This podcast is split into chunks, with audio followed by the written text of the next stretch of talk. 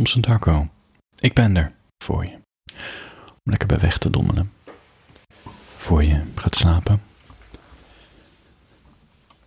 Als ik in een goede schrijfflow wil komen, zet ik een klokje. Vaak anderhalf uur. En in de middag, als ik nog wil schrijven, drie kwartier. Dan is mijn energie wat minder. Of in ieder geval, ik kan de concentratie wat minder lang volhouden. En wat ik dan doe, is één nummer op repeat. Continu. Zodat je helemaal één wordt tussen de muziek en de, de mood van de muziek vooral. De woorden die uit je komen. En de laatste tijd zit ik helemaal in de pianomuziek. Depressieve pianomuziek, uiteraard. En ik zit dan zo in die. in dat gevoel dat als ik even een rondje ga lopen, wat ik vaak eh, probeer na de lunch. Ja, ik moet wat. Ik zit de hele dag stil, joh. Mijn angst is dat ik heel dik word. Dus uh, bewegen. Dan zet ik nog steeds die pianomuziek op. En dan wandel ik hier door het bos. Dan kom ik al die kantoorpikkies tegen, want er zitten helemaal van die kantoorpanden om het bos heen. En die hebben dan ook een uh, wandeling. En dan zie ik mensen die de hond uitlaten. Ik zie ze en ik groet ze. Terwijl al van die hele depressieve pianomuziek in me klinkt. Het is zo surrealistisch dat je zo bevangen wordt door die mooie, donkere tonen van die piano. In ieder geval, het zijn hele lichte, nou, het zijn vaak hele lichte aanslagen, maar de mood is heel donker. En dat het totaal niet in sync is met de mensen die langs je lopen, die natuurlijk in een heel ander, in een andere shift, shift, in een andere mood zitten. Ja, surrealistisch. Het is een beetje hetzelfde als je in de silent disco. Weet je, op Lowlands, waar je dan twee of drie van die kanalen hebt, twee toch? Waar je de ene gast heel druk eh, langs je heen ziet bouncen. Terwijl jij heel uh, relaxed zit te bewegen. Dan zet je hem even op het andere kanaal en dan denk je, oh ja, daar luistert die net naar. Die gast die voorbij kan bouncen. Weet je, het is niet in sync.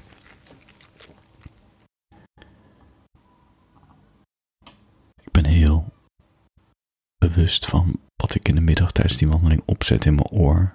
Um, ik wil nog wel eens een podcast opzetten, maar dan weet ik dat de informatie die ik krijg, dat mijn brein daar dingen mee wil gaan doen. En als ik nog een een kort verhaal of een boek aan het schrijven ben, dan wil ik niet die input.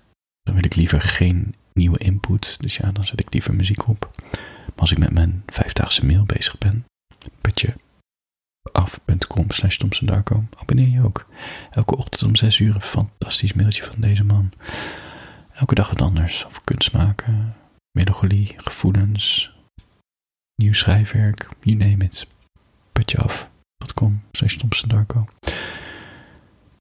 Als ik dan bezig ben met mijn vijfdaagse mail uh, schrijven, dan weet ik juist wel die input. Dan, dan zoek ik een podcast op over een onderwerp waar ik bezig ben, zodat ik mijn, mijn argumenten kan toetsen en, en misschien nog wat opsteek. Ja. Maar ja, op dit moment is het pianomuziek. Ik zit helemaal in um, Patrick Hamilton zijn van mij, nou ja, ik kwam hem op het, ja, ik weet niet eens hoe ik hem op het spoor kwam. Ik denk uh, een piano playlistje ergens van Spotify. En het nummer heet ook Melan Melancholy, Wings of Melancholy. Ik zal hem even in de show notes zetten. Um, hij staat in mijn melancholie pianolijstje. Kun je gewoon luisteren op Spotify. Als je lekker in de mood wil komen, lekker wil wandelen, en helemaal opgaan in je melancholie, luister mijn pianomuzieklijstje. Of als je aan het schrijven bent, doe het ook. Of als je aan het koken bent, maakt eigenlijk niet uit. Zet hem op. Voor je gaat slapen. Ik heb een uh, kort verhaaltje geschreven over slapen. Vooral als je zo'n periode hebt waar je heel weinig, waar je, ja, waar je gewoon niet in slaap komt. Gewoon niet omdat je aan alles voelt. Mijn lichaam is zo moe, mijn geest is zo moe, maar tegelijkertijd zo druk. En ik voel te veel en ik denk te veel. Ik weet het allemaal niet, maar ik kan maar niet slapen. En oh, ik heb nog maar vijf uurtjes, oh, nog maar vier uurtjes. Oh, die wekker gaat nog drie uurtjes. En dan gaat die wekker en dan gaat opstaan toch verrassend goed. Terwijl je wel natuurlijk die brakheid in je hele lijf voelt. Dan ben je op kantoor of je werk of studie of whatever. En je voelt aan alles dat je gewoon niet genoeg slaap hebt. En een of andere manier, je trekt toch die hele dag door. En je hebt toch meer energie dan je dacht. Behalve dan dat de, implosie thuis komt. Ja, daar gaat het verhaaltje over. Het heet, um, het is echt heel kort. Het heet Ik slaap zo weinig dat ik me afvraag of ik niet het zevende wereldwonder ben. Sorry, ik zeg het verkeerd. Ik slaap zo weinig dat ik me afvraag of ik niet het zevende wereldwonder ben. Dat ik nog energie heb om hier te zitten en te doen alsof ik het begrijp. Om antwoord te geven mijn studiegenoten, terwijl mijn lijf schreeuwt op mijn bed, terwijl er geen touw meer aan mijn gedachten valt vast te knopen. Als ik thuis eindelijk in bed lig, ben ik zo moe dat ik niet in slaap val.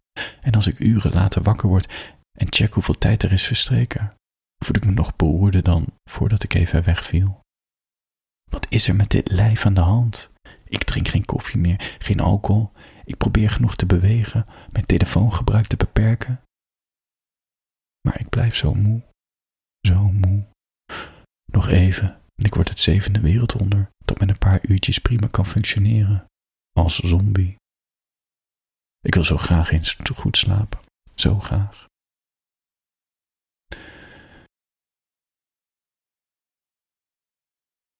Voor je gaat slapen.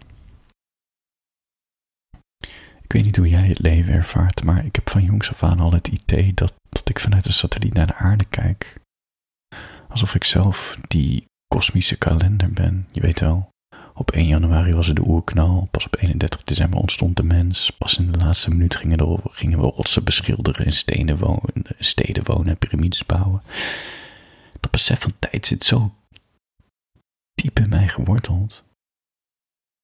Toen ik nog een kantoorbaan had en iemand een verbetervoorstel deed, zag ik in een fractie van een seconde voor me of het er echt toe deed of niet. Ik zie dan meteen oorzaken en gevolgen van zo'n idee.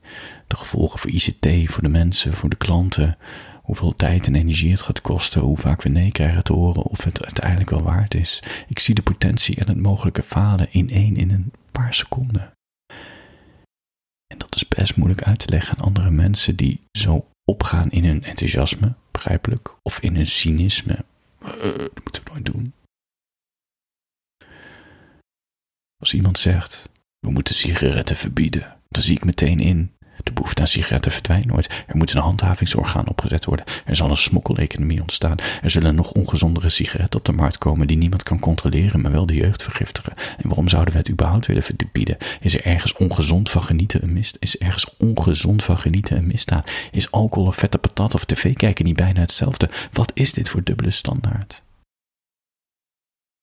Ja. En dat gevoel van iets zien, maar het niet altijd goed onder woorden kunnen brengen, dat is mijn melancholie. Beseffen dat veel waar we ons druk om maken er niet echt toe doet. En de dingen die er wel toe doen, die kan ik niet altijd duidelijk maken. Ik denk daarom dat ik zo graag schrijf, want dan heb ik alle tijd om de juiste woorden te, te vinden. En als het in een dag niet komt, dan komt er altijd wel weer een volgende dag of een week later of een maand later waar ik er nog een keer naar kan kijken voordat het gewoon goed genoeg op papier staat. Ik ben natuurlijk niet alleen mijn melancholie. Ik ben niet de hele dag door melancholisch.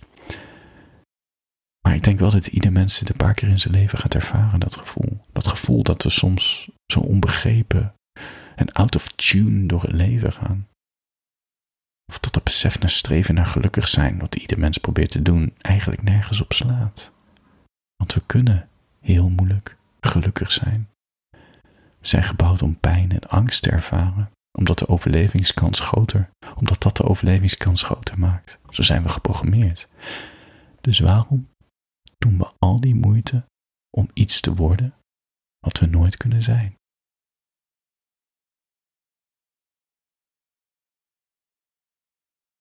Ja. Ik las eens een stukje in, uh, in het debuut van Nietzsche, die filosoof, pessimist. Um, rapport van de tragedie, het boekje volgens mij.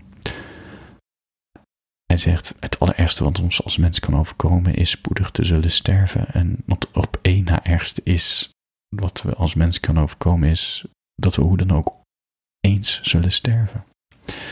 Kortom, we gaan dood. Dat is zijn punt. En we zijn ons ervan bewust dat we doodgaan. We worden dus eigenlijk twee keer gestraft. En dat is een zegen en een marteling tegelijkertijd. En ik denk dat hier in dit besef juist de waarheid ligt. De zon komt op en gaat weer onder. Zonder de koude winter kan de lente niet bestaan. Het leven bestaat omdat de dood bestaat. Ze kunnen niet zonder elkaar. Ze zijn met elkaar verbonden. De zin van een leven zit in het feit dat het eindigt. Alles begint en eindigt, continu. Dat is wat we zien om ons heen in de natuur. Zonder einde geen begin. Het is één. En is ook niet de vraag die, dit is niet de vraag die mij het meest wakker houdt van waar ga ik heen als ik dood ben. Maar waar was ik voor de spermacel van mijn pa in die eicel van mijn ma vloog? Waar de fuck was ik? Kijk, ik heb geen idee waarom ik hier ben op aarde. En waarom ik deze melancholie zo vaak voel en waarom ik het ook zo lekker vind en zo inspirerend.